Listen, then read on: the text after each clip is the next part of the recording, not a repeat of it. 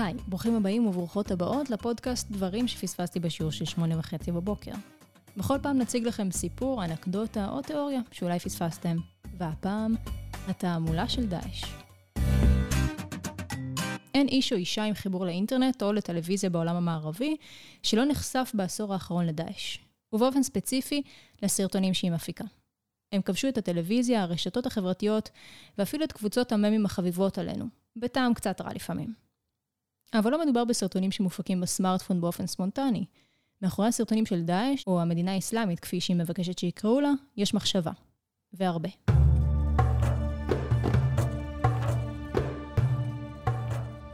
מ-2015 ועד 2018 יותר מ-2,000 אנשים הוצאו להורג על ידי המדינה האסלאמית. אנשי הארגון משתמשים בדרכים מגוונות על מנת להוציא להורג את השבויים, ומצלמים רבות מההוצאות להורג. השבויים תועדו כמי ש...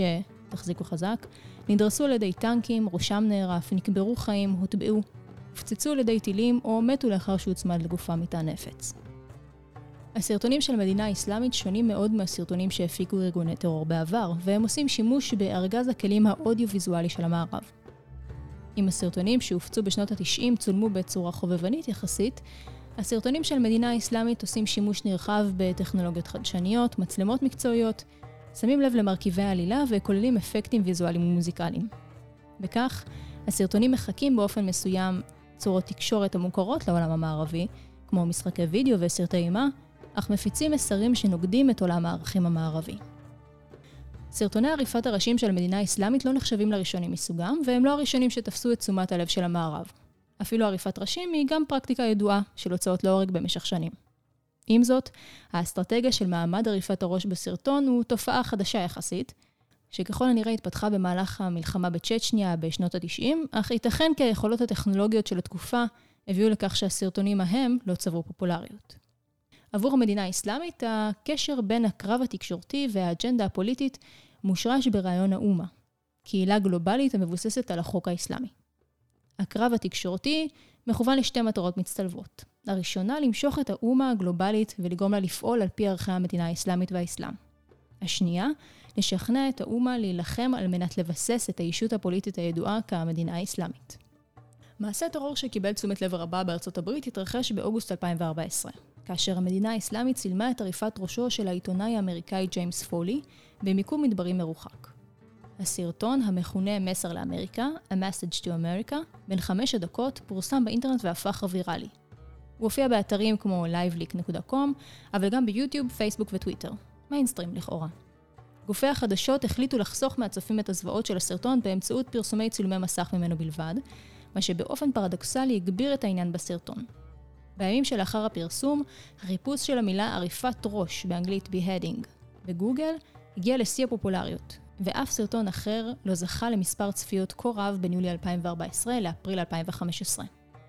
ביוטיוב הסרטון מסר לאמריקה הוסר תוך פחות משעה לאחר שפורסם.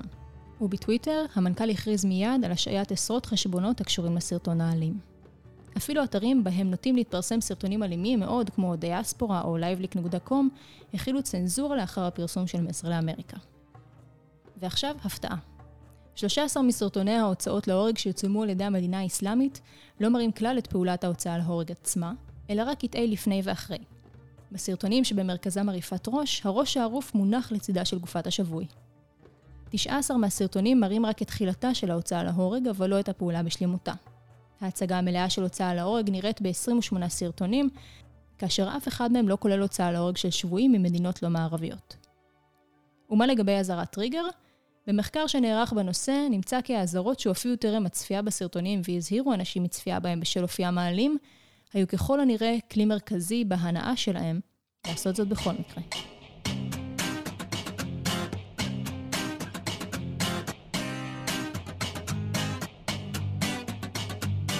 זה היה עוד פרק של דברים שפספסתי בשיעור של שמונה וחצי בבוקר. מקווה שלמדתם משהו חדש והצלחתם אפילו קצת ליהנות למרות התוכן המורכב. מוזמנים ומוזמנות לעקוב אחרי הפודקאסט וגם לעשות לנו לייק בפייסבוק. אני מיכל פורת, להתראות בפרק הבא.